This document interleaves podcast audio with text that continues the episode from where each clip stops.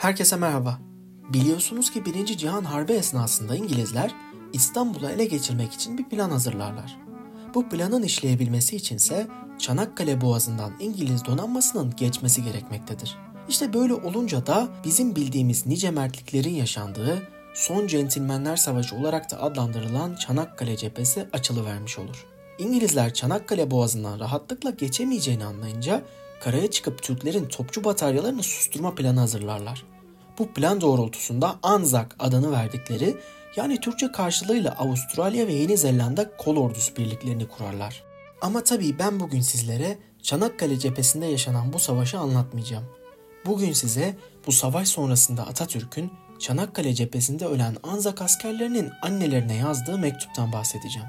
Cihan Harbi'nden sonra hatta Kurtuluş Harbi'nden sonra Atatürk bir konuya değinir. Çanakkale cephesinde Avustralya ve Yeni Zelanda askerlerinin naaşları Türkiye'de kalmıştır. Ölen Anzak askerlerinin anneleri bu konuda çok tedirgindir. Evlatlarının naaşlarına Türkler şimdi nasıl davranacaktır? Her ne kadar arada bir savaş da geçmiş olsa Anzak askerlerinin anneleri ölen çocuklarına saygı gösterilmesini beklemektedir. İşte böyle bir ortamda Atatürk ölen Anzak askerlerinin annelerine gönülleri ferahlatan bir mektup yazar. Bu memleketin topraklarında kanlarına döken kahramanlar. Burada dost bir vatanın toprağındasınız. Huzur ve sükun içinde uyunuz. Sizler Mehmetçiklerle yan yana, koyun koyunasınız. Uzak diyarlardan evlatlarını harbe gönderen analar, gözyaşlarınızı dindiriniz. Evlatlarınız bizim bağrımızdadır. Huzur içindedirler ve rahat uyuyacaklardır. Onlar bu topraklarda canlarını verdikten sonra artık bizim evlatlarımız olmuşlardır.''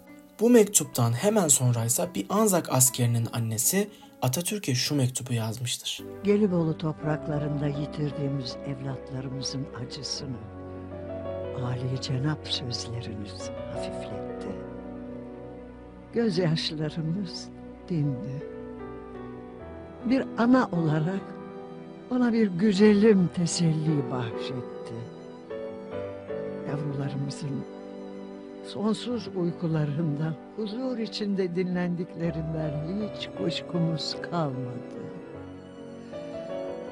Majesteleri kabul buyururlarsa bizler de kendilerine ata demek istiyoruz. Çünkü yavrularımızın başında söylediğiniz sözler ancak bir öz babanın sözleri gibi. Yüce, ilahi. Evlatlarımızı bir baba gibi kucaklayan büyük ataya tüm analar adına şükran, sevgi, saygıyla.